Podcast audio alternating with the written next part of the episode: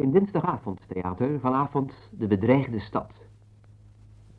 Een luisterspel van Bernd Grashoff. Vertaling Gerard van Kanthout. Regie Leon Povel.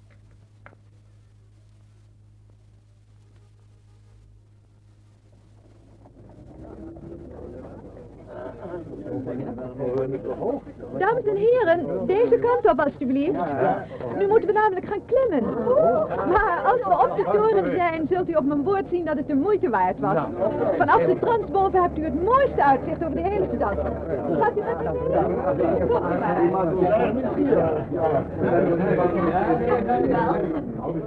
Deze toren is een bescheiden nabootsing van de Eiffeltoren van Parijs. Maar juist zoveel kleiner als ons land kleiner is dan het grote Frankrijk. Een klein burgerlijk, smakeloos stuk plagiaat uit de opbouwjaren. Nou, dat heeft een sikkeneurige schrijver ooit beweerd, maar onze mensen zijn er erg op gesteld. de moeite waard. Omdat u onze taal niet verstaat, zal ik een paar inscripties voor u vertalen. Die vroegere bezoekers op de muren hebben gekrast. Ja, ik dacht al steeds aan het staan. Ja, ziet u wel, ik, maar ik hoop dat u daardoor een beetje de inspanning van het klimmen vergeet. Kijkt u eens, hier staat bijvoorbeeld... Als soldaat was ik hier met Irenka, rotoorlog. nou, u ziet, een uitgesproken pacifist. Komt u maar weer. Oppassen, dames en heren, hier wordt het laag. Al menigeen heeft hier zijn hoofd gestoten, zoals ook te lezen valt. Hier staat geschreven, bult op mijn knar, trunka, meester Bakker. En hier, kijkt u, bij mij ook, zonder ondertekening.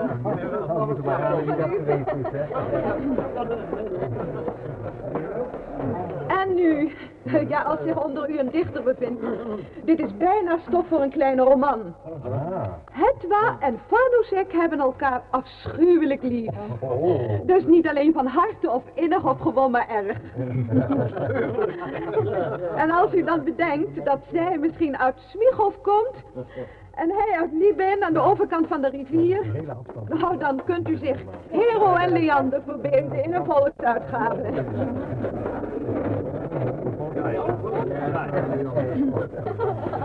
Kijk, hier heeft er een staan uitblazen en iets opgeschreven wat wij natuurlijk niet meer kunnen nagaan.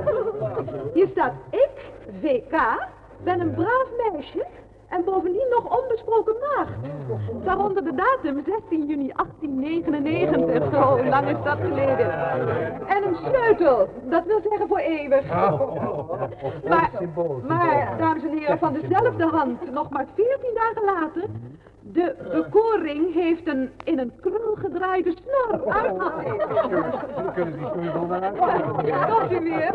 Gaat het nog steeds? Ja.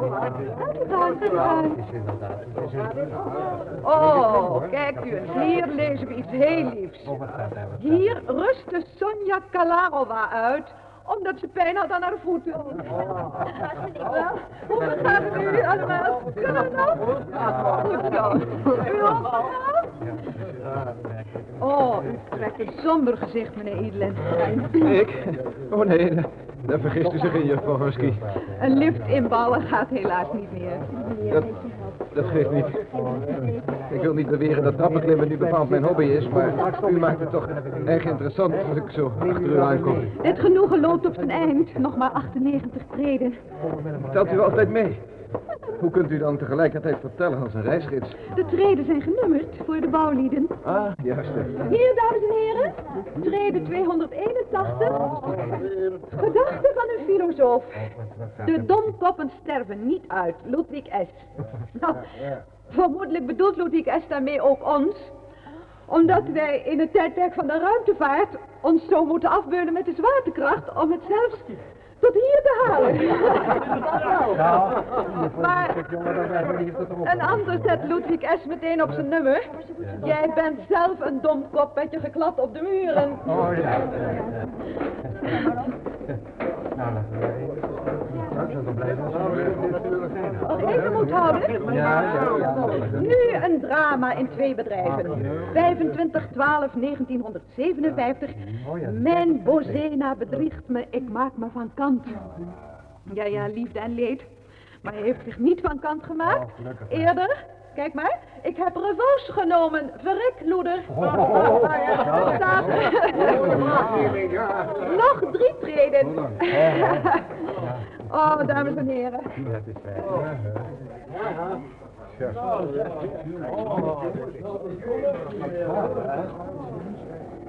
Kijk maar waarheen u wilt. Daar ligt het gouden praag aan uw voeten. Ontbloeit in al zijn pracht en schoonheid als een roos in volle bloei. Oh, en alstublieft, als u niet alleen op de muren wilt schrijven, maar liever op prentbriefkaarten. Kunt u daar bij de komen. Dames en heren, het volgende vraagt 1 kroon en 20 geld. Dit is dus het punt. Kruising van lijnen in het coördinatensysteem van S167. Of een van die jongens er ook maar een flauw idee van heeft dat ik hier sta. Op dit ogenblik. Je moet peiling nemen op de hoogste verhevenheid, omdat... Hoe zei Jeff dat? Bij het opmeten van absolute afstandseenheden op het aardoppervlak... moet in aanmerking genomen worden dat strikt genomen de aarde geen bol is, maar eerder een geoïde. En dat de meetsatellieten geen exacte cirkelbaan in wiskundige zin beschrijven. Nou ja, het doet er niet toe waar het op de millimeter precies zal zijn. Dit is het peilingspunt, ik heb het zelf gezien. Jeff heeft me de gecontroleerde kaart onder mijn neus gehouden. Onopvallend. We hebben geen woord met elkaar gesproken. Top secret. Eerst een kruisje op de landkaart en een getal in de computer. Pas als je ter plaatse bent, zie je het verdomde verschil tussen kaart en werkelijkheid. Zou ze me kwalijk genomen hebben wat ik daar juist heb gezegd? Maar ze is op deze eindeloze trap toch expres voor me uitgelopen om haar benen te laten bewonderen. Juffrouw Horsky, Christine. Meneer Edelen, u lacht bij uzelf. Ik? Oh nee. Oh, u mag het gerust, want we hebben het klaargespeeld onze ochtendgymnastiek. U doet alsof we invalide zijn. De anderen staan wel te hijgen, maar ik niet. En in mijn vak ben ik lopen en klimmen gewend. Wat hebt u voor een vak? Een klein aannemersbedrijf. Hm, bouwt u huizen? Als u het zo noemen wilt. Dames en heren, u ziet hoe de stad zich als een bloem voor uw ogen ontvouwt. Eerst het meer, schitterend, de heuveltoppen, de boomkruinen, het Schönborgerpaard. Daar is nog een paard, het Julius Fuchsiepaard. Ze zegt precies de tekst op die in de reisgids staat. Een bloem die zich ontvouwt, kelkbladeren die opengaan. En ze houdt haar stad voor heel groot. Maar is de stad groot genoeg als... Daar staan een paar betonnen gebouwen, zowat 15 verdiepingen schat ik. Die zouden dus overeenkomstig funderingen moeten hebben. Vier meter minstens. Zeker een kilometer of vijf hier vandaan. Jammer genoeg niet precies te zijn. Jammer genoeg is het vandaag nogal heilig, maar misschien onderscheidt u toch die verhevenheid daar ginds. Daar ligt het stadsdeel Dieskov. En de verhevenheid zelf, dat is het nationale gedenkteken op de Dieskov. Is dat met die paarden? Juist, daar staan het geweldige ruiterstandbeeld. Ze weet niet wat ik denk. Niemand in deze stad. Het is trouwens ook maar een heel vage mogelijkheid. Of liever gezegd een belachelijke onwaarschijnlijkheid, een hersenschim. Dat kun je niet doen. Maar ze spreken er met zo'n vervloekte vanzelfsprekendheid over als ze een inspectierondjes langs onze installaties maken. Generaal, wie bepaalt de richtdoelen bij de mogelijke tegenstanders? En, eh, en bent u eventueel bereid ons richtdoelen te noemen die al zijn uitgekozen? Alleen de militaire, maar natuurlijk ook de politieke noodzaak, mijn heren, is beslissend voor de keuze en de bestemming van een doel. Bent u bereid richtdoelen te noemen die al zijn uitgezocht? Er zijn, mijn heren, ik hoop dat u me goed verstaat, er zijn precies zoveel richtdoelen als we parate wapens hebben. Logisch, nietwaar? Nog altijd ontevreden, meneer Elen? Eh, nee, nee, nee. Ik, ik heb mezelf op uw lijst ingeschreven. Ik wilde toch zelf op uw bescheiden kleine Eiffeltoren? Bevalt u de Gouden Stad? Dat is geen vraag. Uw land ken ik alleen van foto's. En ik ben vast een beetje onbeleefd als ik wil weten, hebt u zoiets in uw land ook? Nee. Dat dacht ik al. Schitterende natuur, kuststreken, gebergten. Dat wel, ja. Maar zoiets, De dichter noemt haar de moeder der steden. zoals in de reisgids staat. Maar haar stem klinkt alsof het vanzelf spreekt. En tegelijkertijd een getal van dertig cijfers. Oom Ben sprak er voor de eerste keer over. Ik heb gehoord dat je naar Europa wilt. Het gaat je blijkbaar financieel weer beter. Nou ja, geen kunst bij deze hoogconjunctuur. Oom Ben. Natuurlijk oom Ben. De schrik van de familie. Of liever de schrik van dat deel van de familie dat zich voor achtenswaardig houdt. Of tenminste doet alsof. Duitsland. Beider, Oktoberfeest. Of Spanje. Let op, Ik zal je mijn geheime tip geven. Praag. In de oorlog hebben we al in Pils gestaan. En ik heb de rest van de reis pas nu kunnen inhalen. Jij houdt er immers ook wel van, oude vrijgezel. hè? Gescheiden man, voor in het stadion van de reine onschuld. In Praag doen ze het voor een paar nijlons en een reischeck. Zeg, je moet de portier daar in de arm nemen. Geef me een paar pakjes sigaretten en de zaak is oké.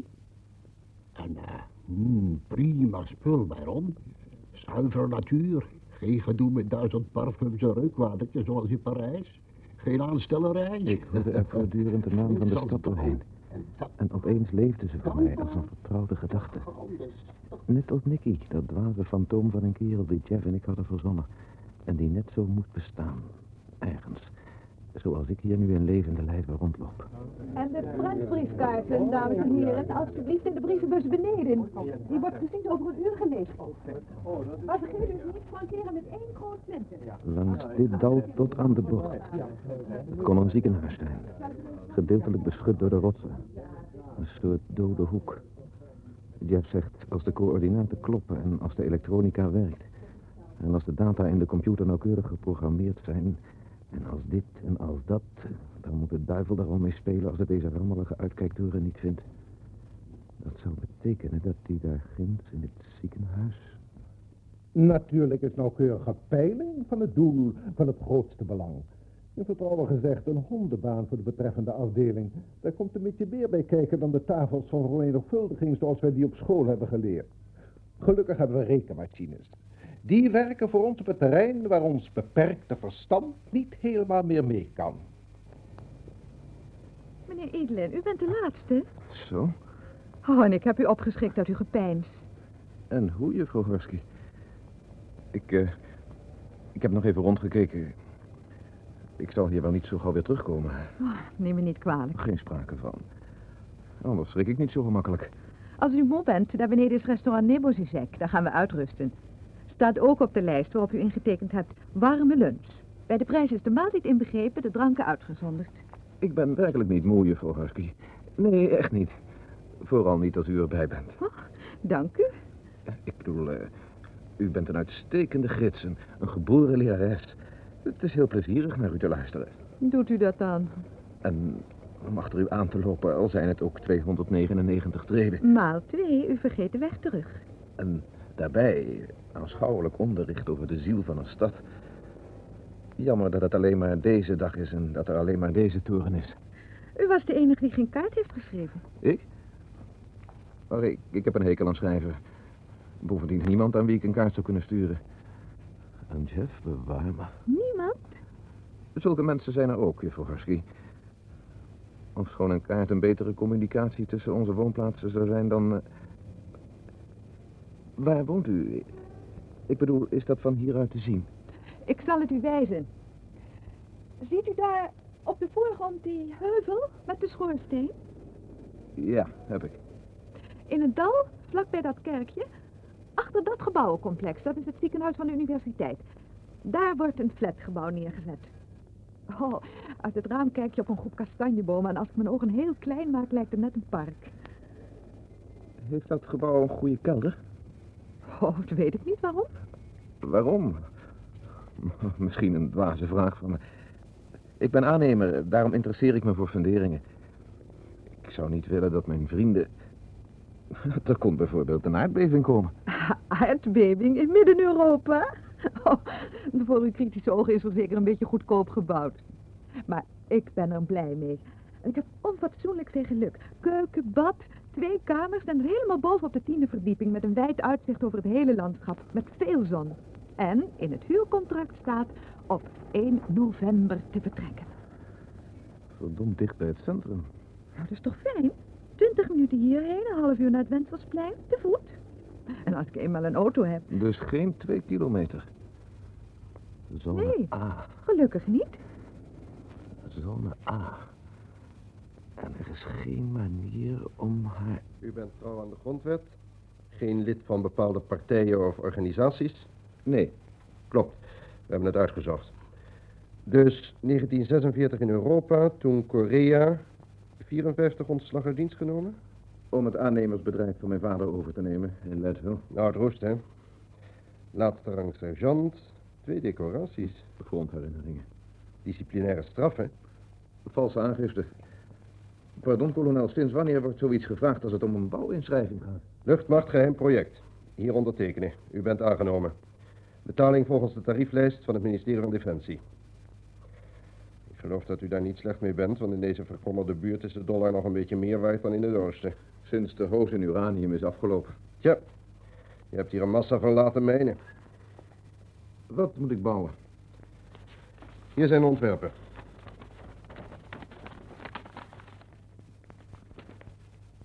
Lijkt op een soort eh, silo. Tja, zo zou je het kunnen noemen. De precieze details krijgt u nog. Maar hoe dan ook, u kunt die bekisting en betonwerken met uw mensen uitvoeren? In afgedankte schachten.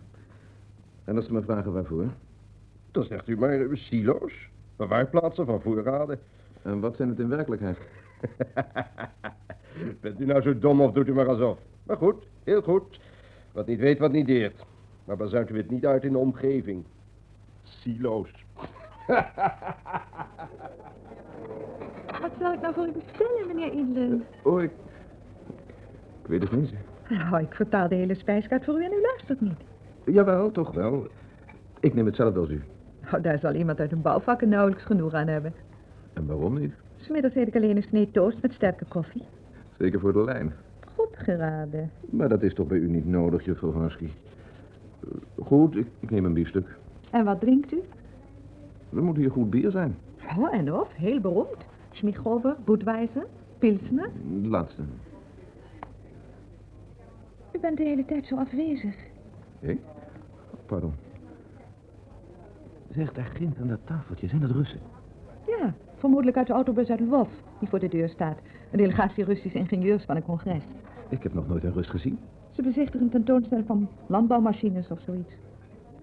Misschien collega's. Misschien is Nicky erbij. Die daar ginds met die blonde snor. Hij kon even oud zijn als ik. Nu kijkt hij deze kant op. Hij stoot zijn buurman aan. Nee, ons bedoelt hij niet. Hij klinkt met hem. Fluistert hem iets in zijn oor. Zijn lach is galend. Waarom ook niet? Het is gewoon een kwestie van verschillende mogelijkheden. Laten we eens aannemen dat het die andere is. Die door de kelner wordt bediend. Forse vent, pikzwart haar met overgrote wenkbrauwen. Nicky is de vijand. De mondhoeken nijdig omlaag getrokken, paft woedend een sigaret, wenkt de kelner. Je vindt niets anders te roken dan dit bocht, die smerige verpoeierde Chinese Virginia-imitatie. Hebt u geen bon voor toezicht? Harde roebels bestaan niet, zullen nooit bestaan. Ga daar naar die kerel hier tegenover, die ziet eruit als een vervloekte Amerikaan. Ik heb een pakje voor hem zien liggen, dat is beter spul. Hij kijkt hierheen. Begint kaal te worden. En toch aait van tijd tot tijd een vrouw over zijn hoofd. Afschuwelijke kerel. Ik kan mijn vierde kind niet permitteren, zegt hij. Verdient te weinig. Maar als je die speciale opdracht aan zou nemen. Hij doet het. Bevel van hoger hand. Waarom zou je willen weigeren? En waar moet hij een geweten vandaan hebben? Luister eens, Byron, je moet daar niet te veel over piekeren. Het is een karwei als een ander. Ik krijg 240 dollar meer dan in het oosten. Jou heeft deze baan gered van het door je vader zo mooi in de week gelegde faillissement. En als je een beetje rekent, dan verdienen een paar honderdduizend eerlijke normale mensen zoals jij en ik er hun geld mee. Ze betalen hun auto af en sturen hun kinderen naar de ABS. Zuiver commercieel zaakje voor jou. Die dingen worden toch nooit gebruikt? Of dacht jij van wel? Dat is immers net als met het gifgas in de laatste oorlog. Ik weet het niet, Jeff. En die kerels aan de andere kant? Doen die het anders? Zij zijn immers begonnen. Misschien zitten er ginds wel twee net als wij te reden twisten precies op hetzelfde moment. Ten onrechte natuurlijk. Wat zouden ze dan volgens jou zeggen? Wat? Verduiveld frazen natuurlijk. Er is niet veel fantasie voor nodig. Als ik er goed over nadenk, zit het me toch niet lekker, zou de een bijvoorbeeld kunnen zeggen. Niet helemaal lekker? Ach, schijt toch uit, Nicky. Nicky? Nee, ik noem hem gewoon Nicky. Hij moet toch een naam hebben? Dus wind je niet op, Nicky. Dat is alleen maar voor het uitzonderlijke geval dat die Amerikanen... En waarom zouden wij? Nou, snap je. En misschien praten ze ook nog over de levensstandaard. Als wij ze eerst maar eens ingehaald hebben. Als ieder van ons even goed een auto heeft als zij. Als wij hun levensstandaard hebben bereikt. Je weet wat ze ons beloofd hebben, Nicky. En tenslotte zullen ze zeggen dat ze hun gezin beschermen, verder niks. Weet jij veel of zij zich door propaganda en krantengeschrijf in de luren laten leggen? Wat zou je voor iemand zijn? Wie? Die Nicky van jou? Zomaar iemand. eh, Laten we zeggen, begin 40, gescheiden. Was lang soldaat, actief, een tijd lang ziek geweest. Thuis een klein aannemersbedrijfje met een paar man die al bij zijn vader werkte. Zomers op vakantie naar het zuiden, drie, vier weken al naar het geld reikt. Hij zou altijd een grotere auto willen hebben dan ik kan betalen. Op donderdag gaat hij naar de club. Daar wordt over het vak gekletst, geschaakt en gedronken. Het laatste altijd een beetje te veel. De volgende dag maagtabletten en kater. Goede voornemens voor weekeinde. Minder roken. Let op het gewicht. Ja, het leven begint bij 40. Nou, en dan, of liever steeds meer, begint hij te kijken naar heel jonge meisjes. En dan speelt hij met de gedachte aan de grote liefde. Maar dat, dat ben ik immers zelf. Och, ja, natuurlijk. Sorry, Byron. Ik heb nu helemaal niet veel fantasie. Meneer Edeland, die meneer hiernaast wil met u spreken. Die, eh, Die Rus van de delegatie. En u had er immers nooit een gezien? maar ik versta geen Russisch. Ik zal wel vertalen. Goedendag. Здравствуйте, здравствуйте. Послушайте, спросите у вашего американца для меня пару сигарет. Здешние инвалиды вам скажут, не нравится. Hij zegt dat hij, als u er niets op tegen hebt, een sigaret van u zou willen proberen. Die van hier zijn waardeloos. Al wou hij me daar niet mee beledigen. Alsjeblieft. Благодарю. Merci. En vraagt u hem of u Nicky heet. Wat зовут Nicky? Нет, нет. Мое имя Алексей Петрович Рождественский. Hij zegt dat hij Alexei Rajestensky heet. Спасибо за сигареты. М, хорошие. Hij zegt dat de sigaret heel goed is. Узнайте у него, пожалуйста, почтовые марки он не собирает. Hij vraagt of u postzegels verzamelt. Nee. Нет. А, жалко. М, легкий табак, но хороший. Hij zegt dat de tabak goed is, maar nogal licht. Позвольте вам пожать руку Заборова и Говера. Hij feliciteert Amerika met Borman en Lover. Ja, ja. En ik, eh, ik feliciteer hem. Zegt u hem Gagarin. Heel goed, eh, prachtkerel. А, он вас за Гагариным. А, спасибо, спасибо. Ну что ж, до свидания. До свидания. Tot ziens. Tot ziens. Nee, dat is Nicky niet. Ofschoon, waarom moet Nicky onsympathiek zijn? Ook zo'n loos uitgangspunt. Hij heeft tegen me gegrinnikt. Hij heeft een klassieke rookkring in de lucht geblazen... die langzaam naar boven steeg en onmerkbaar steeds groter werd. Een kunstje dat ik nooit heb geleerd. Nu zit hij weer aan zijn tafeltje. Grinnikt nog een keer en zwaait. De anderen zwaaien ook. Ik weet wel, hij heeft een aardige vrouw. Hij is attent voor haar. Zijn kinderen verafgoden hem. Hij denkt na over wat hij doet en hij denkt er ook weer niet over na. Hij is net als ik, als, ieder van ons. Als Jeff en Gordon. Hij is geen Nicky. Ik ben het. Alleen ik in deze stad. Nu brengt hij een dronk op u uit, meneer Edlin. Is dit voor mij? Mhm, Een vodka met complimenten. Wel, wel. U, u- u moet hem toedrinken. Hij staat op. Ja, dat, dat zou u ook moeten doen. Proost. Zo goed. Helemaal uitdrinken. Het hele glas? Ja, ja, ja, dat hoort zo. Mooi, nu kunt u weer gaan zitten, meneer Edlin. Ik zal Jeff vertellen dat ik met Nicky gedronken heb. Hij is een mens, net als wij. Als jij en ik. Snap je dat? Nee, ik ook niet. Ik kan het beste maar gewoon opstappen en alleen de stad ingaan. Eerst zone A, dan B en dan C. Ik neem de ouderwetse rode tram. Stap in de eerstvolgende en blijf zitten tot de laatste halte. Juffrouw Husky, ik moet nu afscheid nemen. Maar meneer Edele, hoezo? Na het eten gaan we verder. De musea, de oude stad, de visserad, het dwarszaakhuis. Ja, dank u wel voor alles. Tot ziens. Ja, maar meneer Edele, wacht u nou toch even. Die wodka stijgt een beetje naar mijn hoofd. Een aangeschoten toerist die een gedenkteken wil zien. Historisch museum, een slagveld.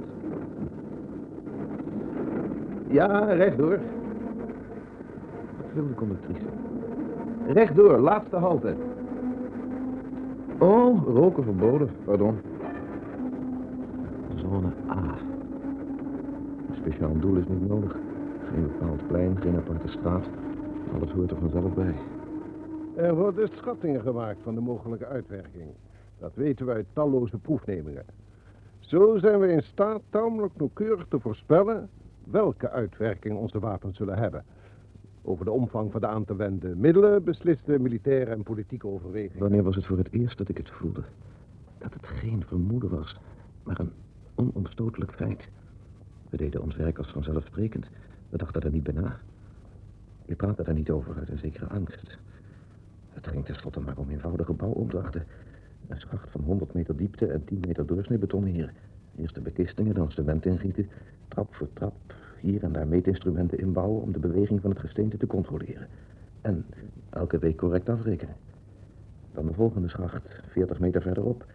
De derde en de laatste, tot de generaal kwam. Dit zijn Elen en Miller, generaal. Elen voert de bouw uit en Miller plaatst de elektronische installaties. Dank u. Wanneer denkt u dat het ruwwerk klaar is? Over drie weken. Uitstekend. Wel, meneer heren, bent u tevreden met het werk? Een prettig karwei, generaal. Ik mag ook niet mopperen. Dan zal ik u verder niet storen. Zal ik u dan nu de commandotoren laten zien, generaal? Deze kant uit, alstublieft. Het schiet goed op, Gibson. Ik ben met u tevreden. Hopelijk zullen we deze installaties niet gebruiken. En bestemd voor kleine vergeldingsdoelen plaatsen in de oostelijke satellietstaten. Als ze in geval van een conflict neutraal blijven, blijven onze baby's braaf in hun bedje. In het andere geval kleine politieke memoranda, meer niet. Daarom in de granaatkoppen maar kleine springladingen. Twee megaton, niet de moeite waard te vergelijken met de andere. Ja, Gibson, maakt allemaal een Heb je gehoord wat hij zei, Jeff? Om zo te zeggen de ambtelijke verklaring van doel en zin van ons karwei. Maar dat wisten we helemaal zo lang. Wisten we dat? Oh, hou je alsjeblieft niet voor de domme. Hij heeft zo'n verdomd onverschillige toon. Ja, als jij elke week zulke karweien bezichtigt, krijg je ook een onverschillige toon.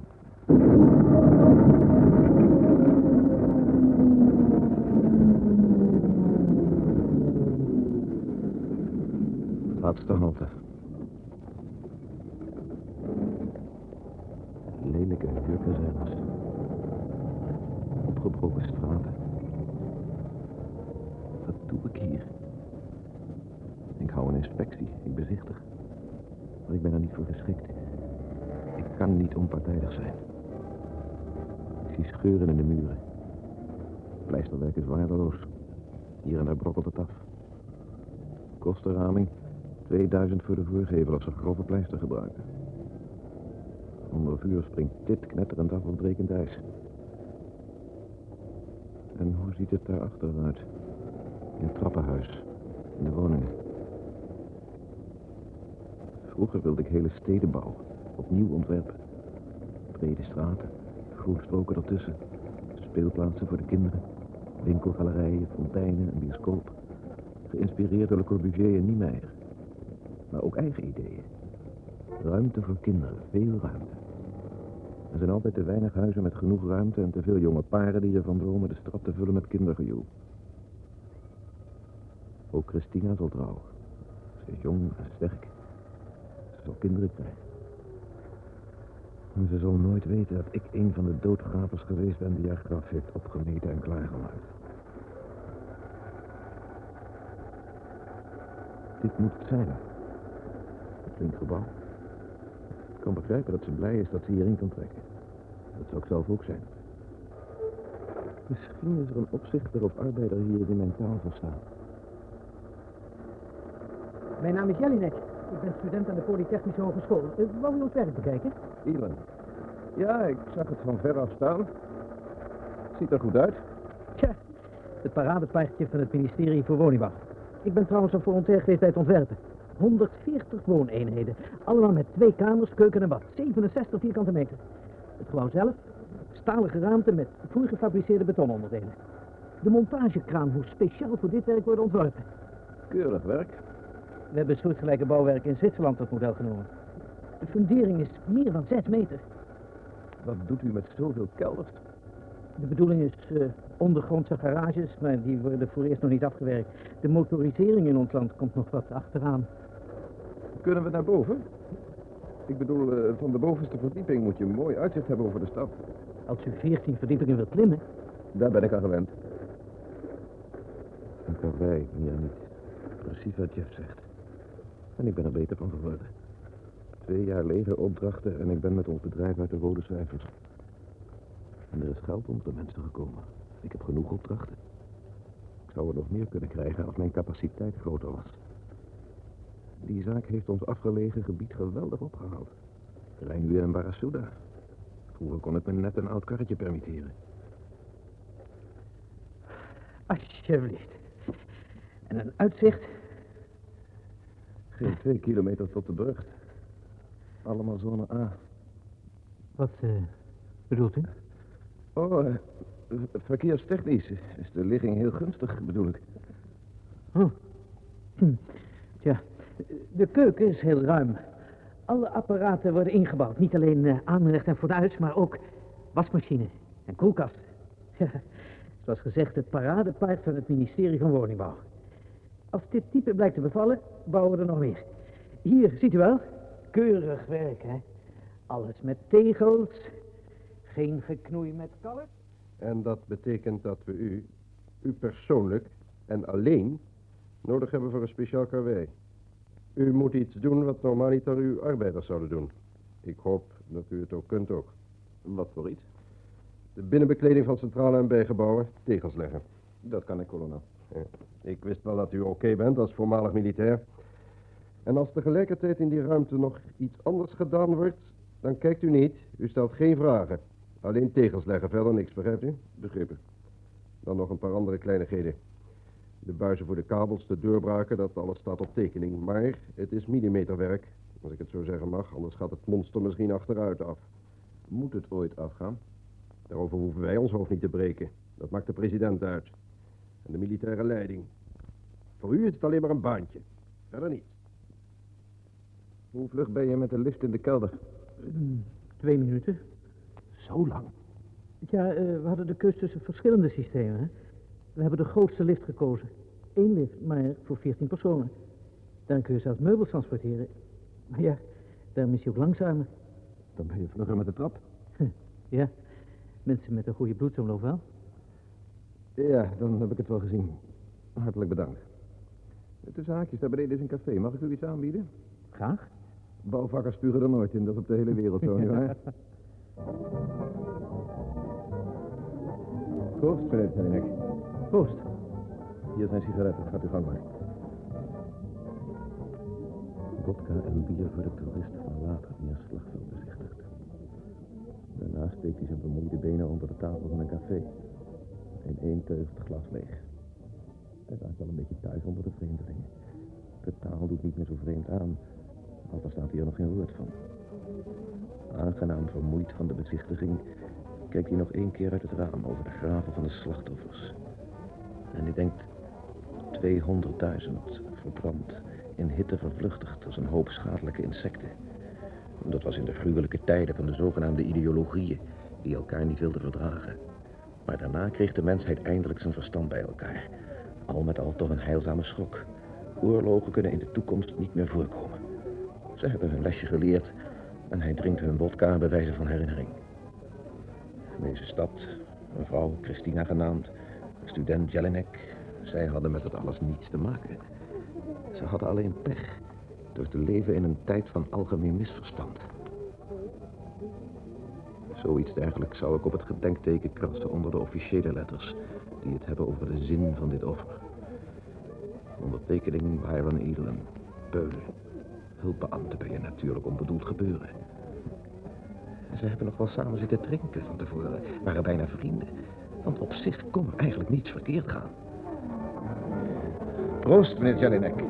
Op de vriendschap tussen de volkeren. Proost. En hoe lang moet dit gebouw blijven staan, jonge vriend? Tot in eeuwigheid? Oh, lang genoeg om de bewoners aldoor gelukkig te zien, hoop ik. Waarom praat u niet wat exacter? Tien jaar, twintig, dertig? Ik zou u zeggen, de dood zal ingaan in dit huis. Zorg, ongeluk, leed. Op het moment dat de eerste mens zijn voet over de drempel zet, zal hij zijn vergankelijkheid meebrengen. Ik geloof niet dat het een architect is aan zoiets te denken. En waarom niet? Hoe lang moet het er staan? Moet het oorlogen en stormen overleven? Allemaal flauwekul. Tegenwoordig moeten ze vestingen bouwen, burchten met cyclopenmuren, onderaardse bastions. Wat betekent zo'n kastje van glas en beton? Een jammerlijke uitdaging voor het noodlot, een optimistische leugen. Pardon, meneer uh, Idley. Ik, ik begrijp niet... Ik wil u niet beledigen. Het heeft niets te maken met uw werk natuurlijk en al helemaal niet met uw persoon. Misschien ben ik een idiote pessimist die gelooft dat een huis dat in onze tijd een eeuw of ook maar een mensenleven moet duren, er anders hoort uit te zien. Neemt u me niet kwalijk. Nu zou ik graag afrekenen. Wilt u misschien een taxi naar uw uh, hotel? Naar het VVV-kantoor Chaddock. Ik heb een afspraak, meneer Jelinek. Wilt u zich hier inschrijven? Morgen vroeg bezichtiging van de stad. U wordt rondgeleid door ogenblik, uh, de juffrouw Vritski. Om negen uur precies in de hal van het hotel. U kunt juffrouw Vritski gemakkelijk herkennen. Ze draagt hetzelfde blauwe uniform als ik. En op haar een naamplaatje. Ik wilde juffrouw Horsky spreken. Ik heb u al eerder gezegd, dat duurt nog even. Ze is nog onderweg met een groep toeristen.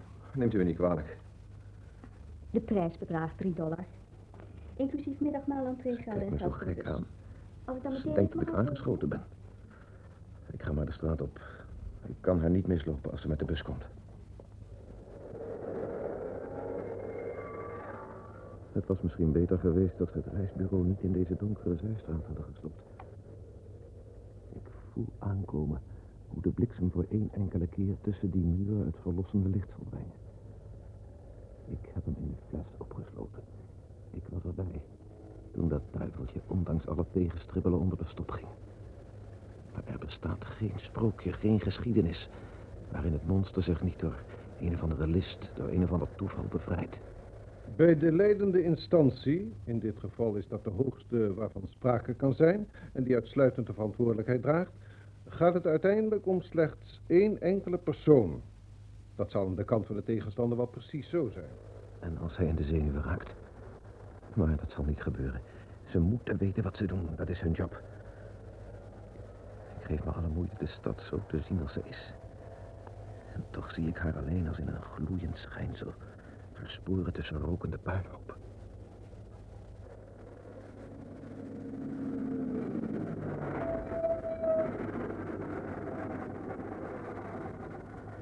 Uitstappen, dames en heren. Dat was een bijzonder. Geen dank. Nee, geen dank. Het was me zeer aangenaam u de gouden stap te hebben kunnen laten zien. Oh, bent u daar? Nou, dat vind ik een verrassing. Het kuiken dat op eigen benen wegliep. Nou, daar stond ik met mijn mond vol tanden. En het eten was in de prijs inbegrepen, meneer Edele, maar ik heb uw bier moeten betalen. Husky, ik moet u beslist spreken. Oh, zegt u het maar, ga u gaan. Niet hier. Ja, maar Gaat u mee ergens naartoe, ik smeek u. ik weet niet wat u wilt. Mijn dienst is afgelopen. Alsjeblieft. Nou, loopt u dan maar mee naar de bushalte op het Wenselplein. Of duurt het langer dan drie minuten wat u me te zeggen hebt? Dat hangt van u af. Ach ja, goed en wel, maar ik begrijp niet. Ja, ik, ik, ik ben vanmiddag naar uw nieuwe huis gaan kijken. Oh ja, nu weet ik het weer. U bent als architect. Ik bezweer u, ga daar niet wonen. Niet doen.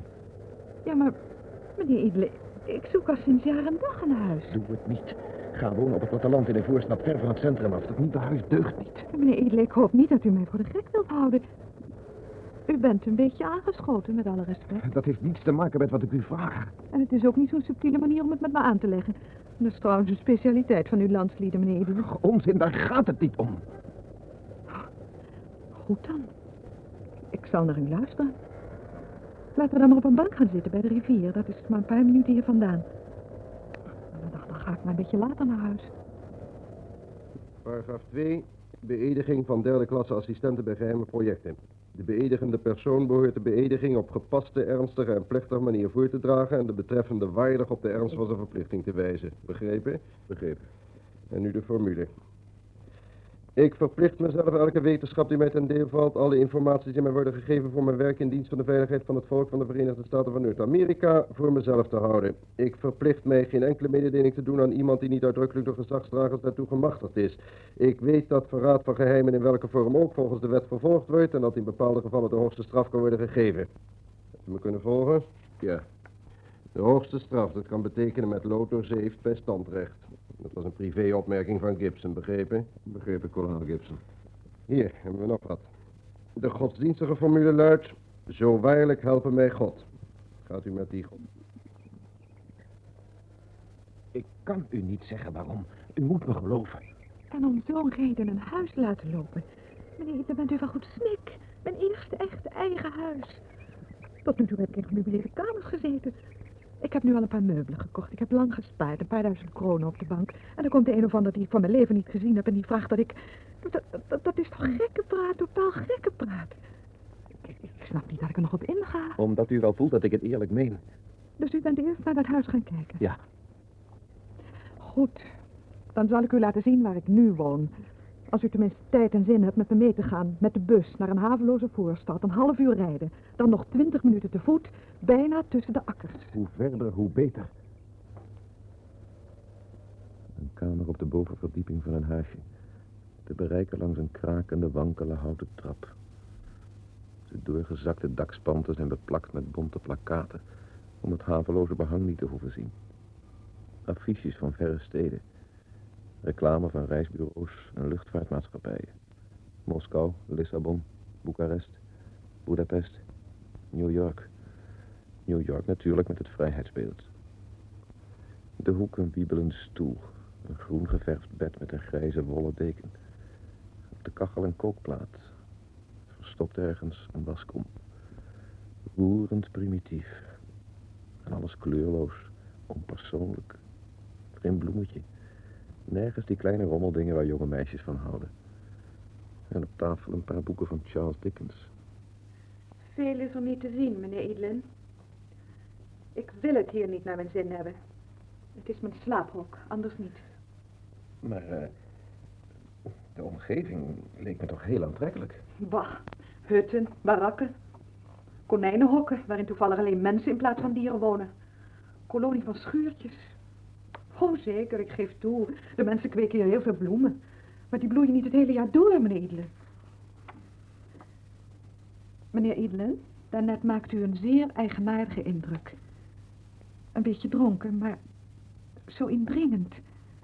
Een ogenblik dacht ik met een ernst alsof het om leven en dood ging. Ja, zo voelde ik het. En nu... Nu ben ik u een verklaring schuldig. Gaat u zitten. Eerst toen ik door de stad reed, had ik een visioen. Ik, op het eerste gezicht een normale, verstandige man. Weet u nog die Russische ingenieur aan het tafeltje naast ons? Daar ginds in het restaurant. Even dacht ik dat, dat hij een boze geest was die me vervolgde. En dan blijkt al gauw een volkomen onschadelijk iemand. Een medemens. Degene naar wie ik zocht was ik zelf. Hebt u alles tegenover een moordenaar gestaan, Javorski? Wat? Nee, nee, bedaar maar. Niet zo'n onbeduidend mannetje die zijn vrouw van kant gemaakt heeft. Of een straatrover die een beetje rondschiet met een revolver voordat hij wordt opgepakt.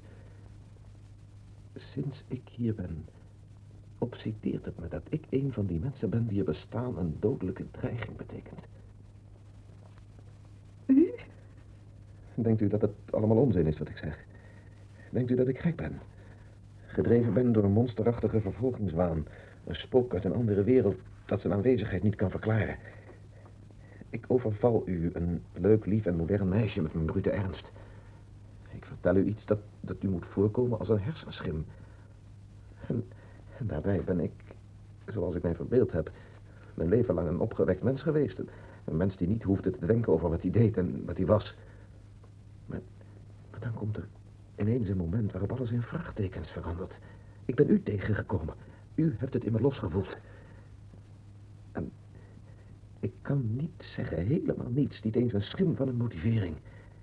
Ik eis van u, verhuis niet naar dat wondermooie huis van glas en beton met dat fraaie uitzicht. Blijf hier. Als ik erover nadenk, absurd. Want wie zegt, wie weet of u op het beslissende moment wel daar zult zijn waar u dan woont. Omdat ik geen oplossing weet, geef ik er de voorkeur aan weg te gaan midden in mijn optreden. Ik vraag u om excuus. Ik heb maar één wens, dat onze levenskringen nooit elkaar mogen raken. Ik begrijp u niet. Natuurlijk niet. En kennelijk bent u niet ziek ook. Was ik dat maar. Ik wou dat ik kon opstaan van mijn ziekbed, genezen en wel en kon zeggen... het was niets, alles is weer in orde. Wat, wat heeft dat met mij te maken? Het had iedereen kunnen zijn uit uw stad, ieder mens. U was alleen de eerste door, door wie ik het me bewust werd. Laat u mij maar weggaan. Ja, maar eerst brengt u me in spanning, maakt u me... Nieuwsgierig. Dat ook, ja. En dan stomweg er vandoor gaan. Laat u maar, ik vind het wel. Nou, ik, ik moet buiten het licht aan doen. We- weet u de weg nog naar de bushalte? Dank u, ja. De, de bussen rijden nu maar om het uur. U zult moeten wachten. Dat geeft toch niet? Was u tenminste tevreden over de rondleiding? Ik zal u niet vergeten. Tot ziens. Ik, ik heb me bedacht. Ik loop nog een eindje mee. Nee. Vaarwel, juffrouw Harsky. Buitenlander? Amerikaan, nietwaar? Eén bier, alstublieft. Ach, misschien zou u me ja, helemaal in vertrouwen. hè. Zou u me niet wat deviezen kunnen verkopen? 30 kronen voor een dollar. Eén bier. Natuurlijk, direct, meneer. En eh, is meneer alleen? Lijkt wel zo, hè? Heeft u geen zin in gezelschap? Een jonge studente met Hongaars bloed. Vloeiend Engels, meneer. Uitstekend figuur, prachtig zwart haar tot op de heup. Is dat allemaal nodig om een glas bier te krijgen? Natuurlijk niet, maar de praktijk gaat boven de theorie. Het is misschien het beste als de verrukkelijke dame zichzelf aan u voorstelt. En voor mij alleen een fooi naar meneer belieft. Offerte voor oom Ben. Paring op het slagveld. Na de bedreiging de smakeloosheid. Hm, naar schatting 30 jaar. Benen niet zo slank als in een Hongaarse operette, maar eerder kloek als in een bodemgebonden Slavisch volkstuk. Niet helemaal nuchter. Haar beslist niet zo lang als aangekondigd, maar inwoonster van deze stad. Zal ik een beetje met u komen babbelen? U drinkt zeker alleen maar champagne. Een vuurtje. U drinkt zeker alleen maar champagne. Anders wel, net als in de bioscoop. Maar nu liever koffie als u er niets op tegen hebt. František heeft u vermoedelijk allerlei onzin over mij verteld. František? De kelner. Eerst moest ik een paar bezopen Russen gezelschap houden. Voor hen is Praag het Gouden Westen, terwijl wij voor u het duistere Oosten zijn. Relativiteit, geografie. Ik heb iets tegen Russen. En waarom? Ik weet het niet zomaar, s'nachts meer als overdag. Oh god, nou heb je een van de kerels die hier naartoe komt. Maar, dat, dat is Nicky? Kent u Russisch? Jazeker. Laat u bij ons komen zitten. Ik moet hem beslist spreken. Weet u wel wat u van me vraagt? Эй, да ведь это давишний американец. Садитесь, пожалуйста. Он предлагает вам что-нибудь выпить. Но заметьте, со мной он ничего общего не имеет, понятно? Жму вашу ручку, уважаемый. Рад вас встретить, дружище.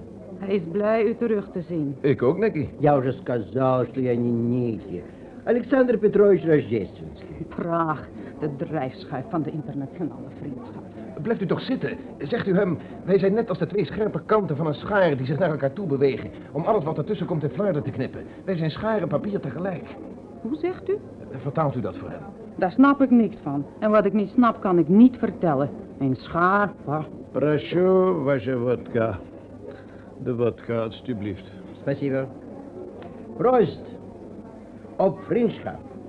За дружбу и мир. На здоровье. А, а теперь, Жанна, пойдем танцевать. Hij wil dat ik met hem dans. Wat moeten we, Annie? Ik moet met hem praten. Vraag waar hij woont, waar hij leeft en wat hij uitvoert. Ik wil zijn adres hebben. Он хочет с вами поговорить и кое-что узнать от вас. Хорошо, пожалуйста. Шлите ему, пусть за наш столик пересаживается. Of we dan maar aan zijn tafeltje komt zitten. Nou, maar ik wil geen internationale tweestapel worden. En eh, ik zou eraan toe willen voegen, jullie Amerikanen kan ik al even min uitstaan. Сейчас музыка кончится. Пойдем, что ли, потанцуем. Wat staat hij te dringen? Hij wil met me dansen. Ik wil alles van hem weten. Hij moet me vertellen. За ваше здоровье! Хм, палка ничего, довольно крепкая. Ну что ж, уважаемый, до скорого. Ik moet met hem mee. Nee, laat hij hier blijven. Nou, als u niet weet wat u wilt, ik ben geen congrestolk. František was toch duidelijk genoeg? Да он славный парень, в общем, симпатяга. Только сегодня что-то мне голову закручивает. Скажи, пусть он к нам присядет. У нас шампанское есть, хорошее, крымское. Ну, не хочет, пусть там сидит, остается. U bent gewoon te ingewikkeld. Tot straks. Эй, эй, приятель, следующий танец тебе уступаю. Eh, De volgende dans mag u weer. Zorg dat u in de buurt blijft, meneer. Ik heb alles gedaan, maar het is een gezellig troepje. En Jana heeft hem een beetje om. Ja, laat maar. Wat krijgt u? Niet veel, 15 kronen. Hier, een dollar. En wacht eens. Vijf dollar voor uw Hongaarse. Oh, dank u zeer. U bent bijzonder vrijgevig. Vrijkoop. Afkoopgeld voor een snolletje. Devise voor een kelner. Naast makeloosheid het meest hulpeloze gebaar. Geld. Nee, dan de gedachte... Ik neem Christina mee naar Amerika en trouw met haar. Om me met haar in een of andere hoek te verstoppen. Ik zou van haar kunnen houden. En zij van mij. Als ze het geheim kent. Welke kamer, alstublieft? 120. Ja. Dan bent u meneer Idele. Er zit al een uur lang een dame op u te wachten. Op mij? Daarachter in de hal.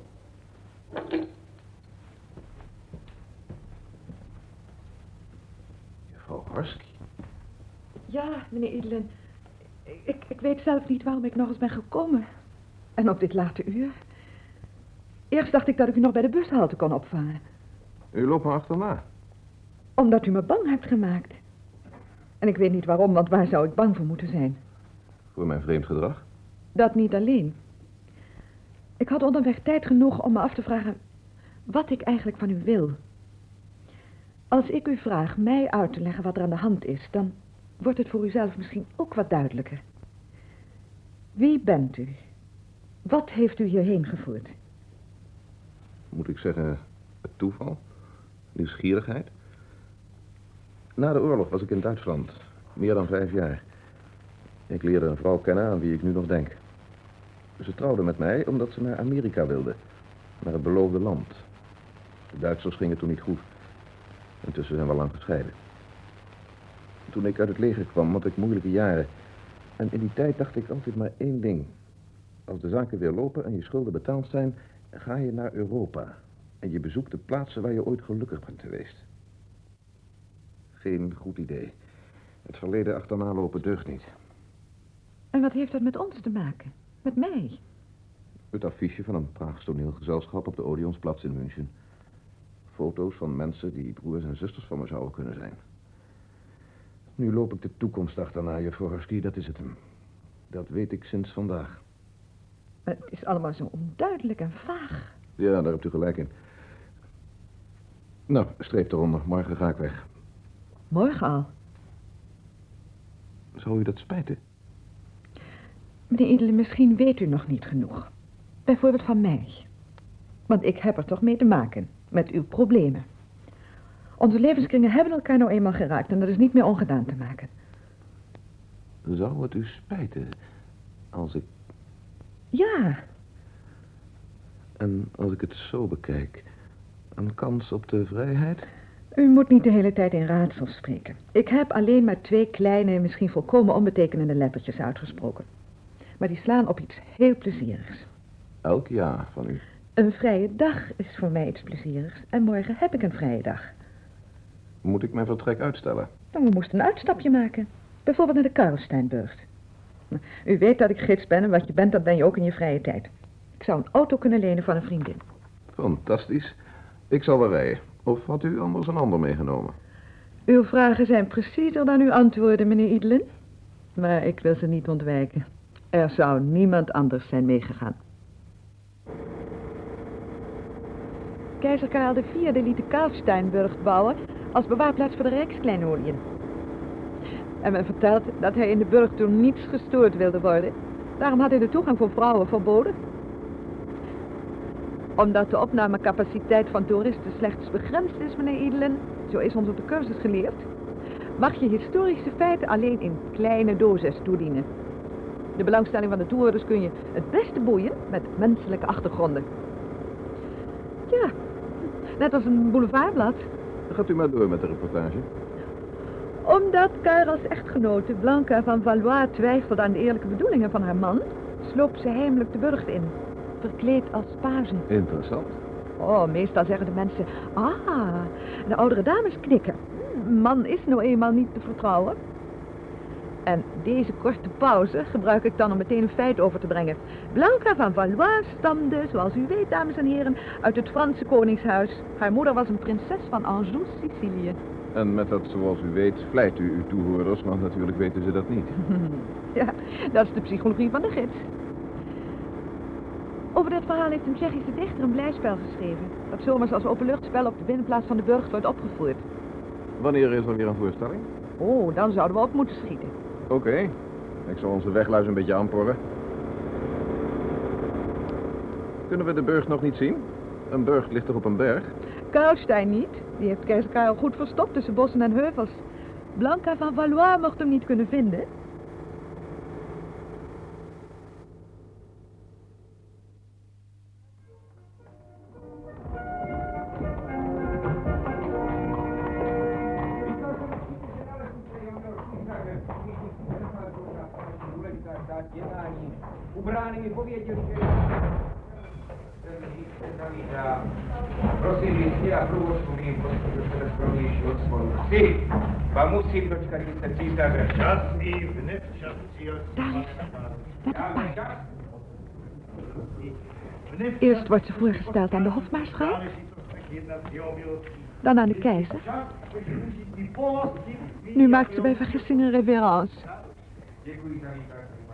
De keizer lacht en zegt tegen haar... Ik hoor het wel. Ja, maar, maar, maar u verstaat er toch geen woord van? U moet het in mijn oor fluisteren. Oh, daar is het hier veel te rumoerig voor. Vertelt u dan maar in de pauw. Morgen lever ik de voltooide bouwwerken op aan de commandant. Nogmaals, bedankt voor de prettige samenwerking. Niet te danken, kolonel. Het was een goed betaald baantje. Ik trek met mijn troep verder naar het zuiden. Nu is Arizona aan de beurt. En er zal nog veel gebouwd moeten worden, heren. Als u in de toekomst ook nog wilt meedoen, eh, u bent nu immers gespecialiseerd, dan zou ik dat wel in orde kunnen brengen. Op mij kunt u rekenen, kolonel. U, meneer Edelen, zult de komende paar maanden nog een paar keer de schachten in moeten naar uw eh, silo's. Om de meetinstrumenten in de wanden na te zien. We weten namelijk nog niet hoe de berg zich zal houden. Vier verschillende geologische lagen. De berg kan sterker gaan werken dan de berekende tolerantie. U bent de enige die op de hoogte is als we weg zijn. Er zal voor mij wel niets anders op zitten, kolonel. Wat doen nu? De gids gaat verder. De burg Karlstein is al sinds lang een paradijs voor bruidsparen. Tal van romantische jonge paren laten zich op Karlstein in de echt verbinden. Misschien met de wens dat hun huwelijk alle gevaren even succesvol mogen weerstaan als de muren van deze burcht. Zeker tegen de bedoelingen van de bouwer, maar toch wel overeenkomstig de list van zijn vrouw Blanca van Valois. Niets is volmaakt op deze wereld, Byron. Ook dit helse monster heeft een kleine belachelijke onzekerheidsfactor. Spreekt ook vanzelf. Hoe gecompliceerder een constructie is, des te gemakkelijker... Maar de generaals zeggen... Wat weten die van techniek? Daar zijn wij voor. Kom eens mee. Ik zal je iets laten zien. Hier bij deze schakelkast. Die is bijna klaar. Alleen de plaat moet er nog opgeschroefd worden. Maar nu kan je alles nog zien. Hier. Als het startbevel gegeven is... en hiernaast iemand op de bewuste rode knop drukt... dan gaat de elektrische impuls door deze kabel... schijnbaar de laatste instantie. En als je die doorknipt? Je moet niet meteen te slim willen zijn, Byron. Voor zo'n geval loopt hier een tweede leiding als vervanging.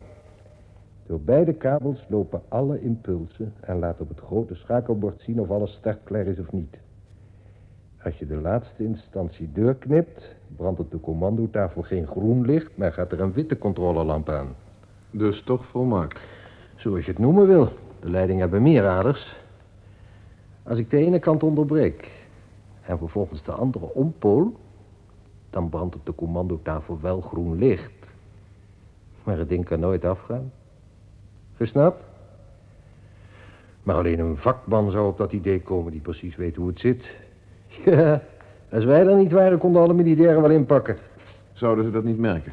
Bij een proefneming nauwelijks. Hoogstens als het ernst wordt, als het monster niet wil afgaan. Maar dan in alle haast zoeken naar de fout. Als ze aan de andere kant beginnen. Bij 10.000 meter kabel en leidingen. Maar zoals je ziet, zo doet hij het. En nou gaat de buitenplaat erop.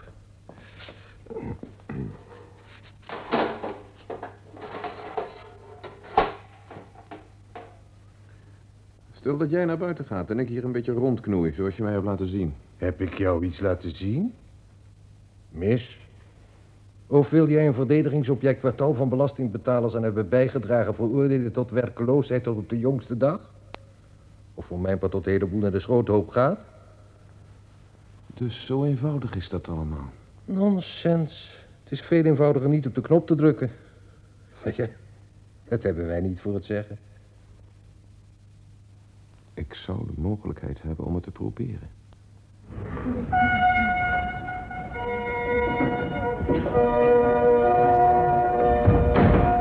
Dit was dus een uitstapje in het verleden. In de feodale tijd, de liefdesgeschiedenis van een keizer.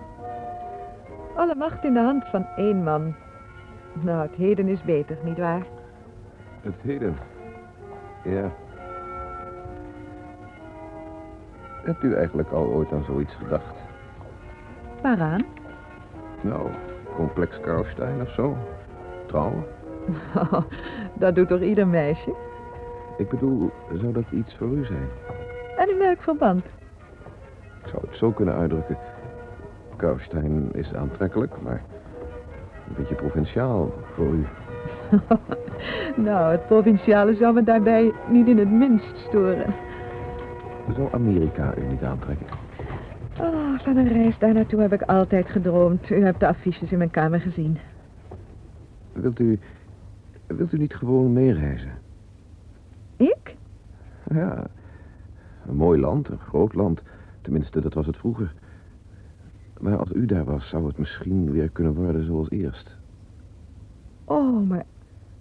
Nou begin ik het pas te begrijpen. Nee, nee, u begrijpt er nog niets van. Het zit helemaal anders. Om te beginnen... Meneer Idle, u speelt het waarachter klaar om... U in verwarring te brengen? Nou, u maakt me wel verlegen. Ik, ik ben zelf verlegen. Ja, u verwacht nu eindelijk de verklaring van mijn optreden.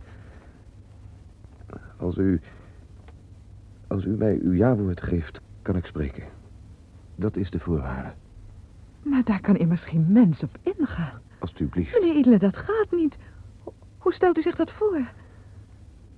Ik ben een mens zonder hoop, Christina. Een desperado. Ik zoek vertrouwen. En waarom zoekt u dat juist bij mij?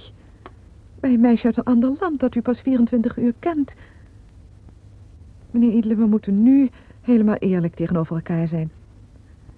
Ik geloof dat u mij overschat. Er is iets dat u beklemt, maar ik zou niet sterk genoeg zijn voor wat u mij zou opleggen, omdat u niet alleen kunt dragen.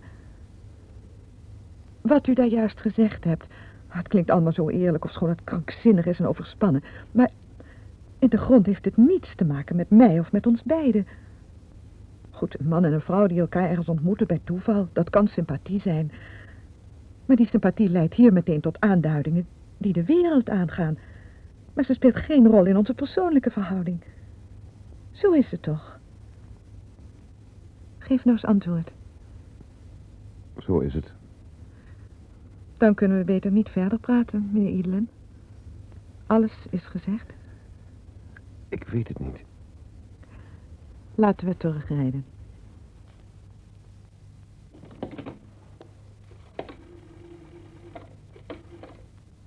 Hallo, met de portier. Je met kamer 120. Ja, meneer. Verbindt u mij door met het vliegveld, maar vlug, het is dringend. Het spijt me, maar na middernacht is de centrale hier onbezet. Als u met de stad wilt telefoneren, zou u naar de foyer moeten komen. Hm. Na middernacht. De stad slaapt. Maar in Arizona zijn ze nog op. Gibson, de generaal, Jeff treffen hun voorbereidingen voor de toekomst. Over de zogenaamde vergeldingsdoelen hoef ik niet uit te wijden.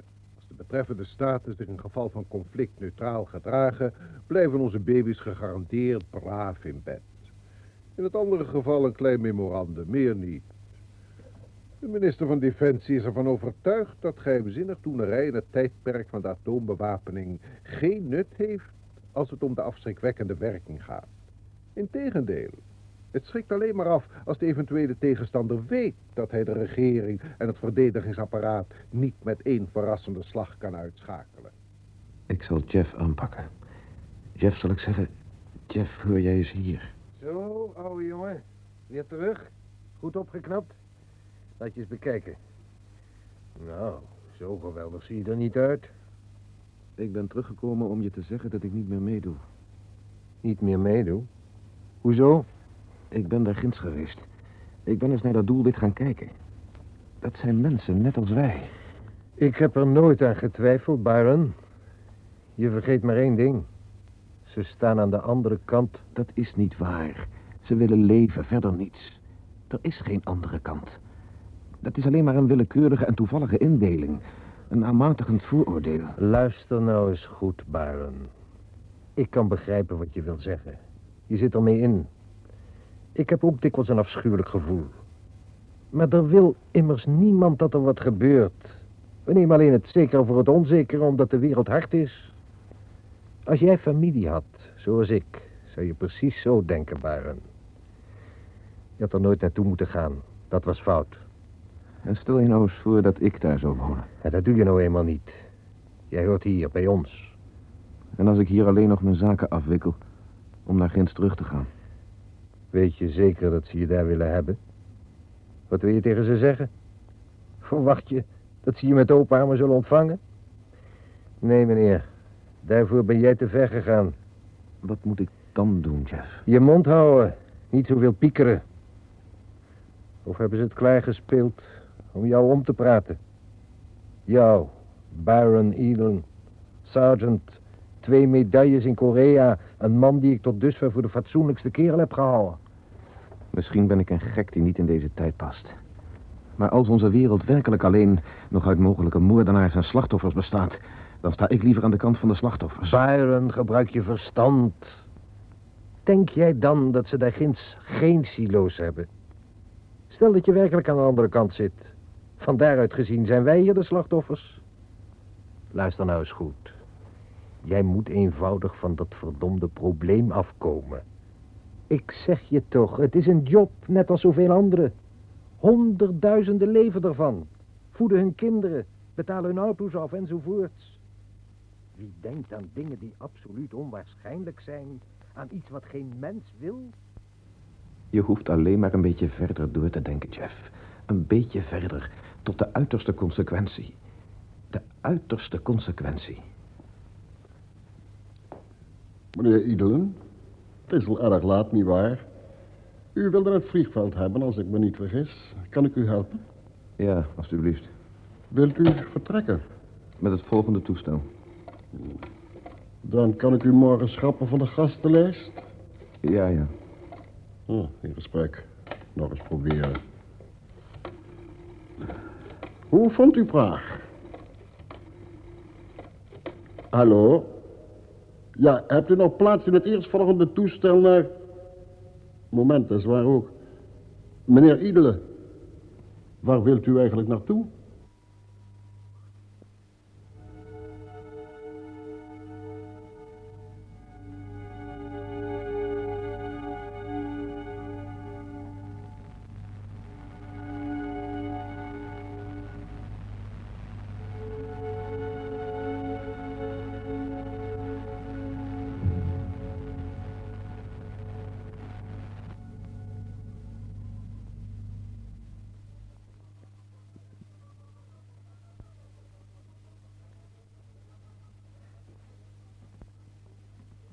In Dinsdagavondtheater hebt u vanavond geluisterd naar Bedreigde Stad. Een luisterspel van Bernd Grashoff. Vertaling Gerard van Kalmthout. Regie Leon Povel. Personen Christina Horsky, Willy Bril. Byron Edelen, Paul van der Lek. Oom Ben, Jos van Turenhout. Kolonel Gibson, Tom van Beek. Jeff, Frans Somers. Student en journalist, Harry Bronk. Hostess, Joke Hagelen. Kelner en journalist Han König. Zana, Mila Arshanskaya. Rus, Jurin Rabinskin. Nachtportier, Jos van Turenhout in een dubbelrol. En generaal Huip Orizant.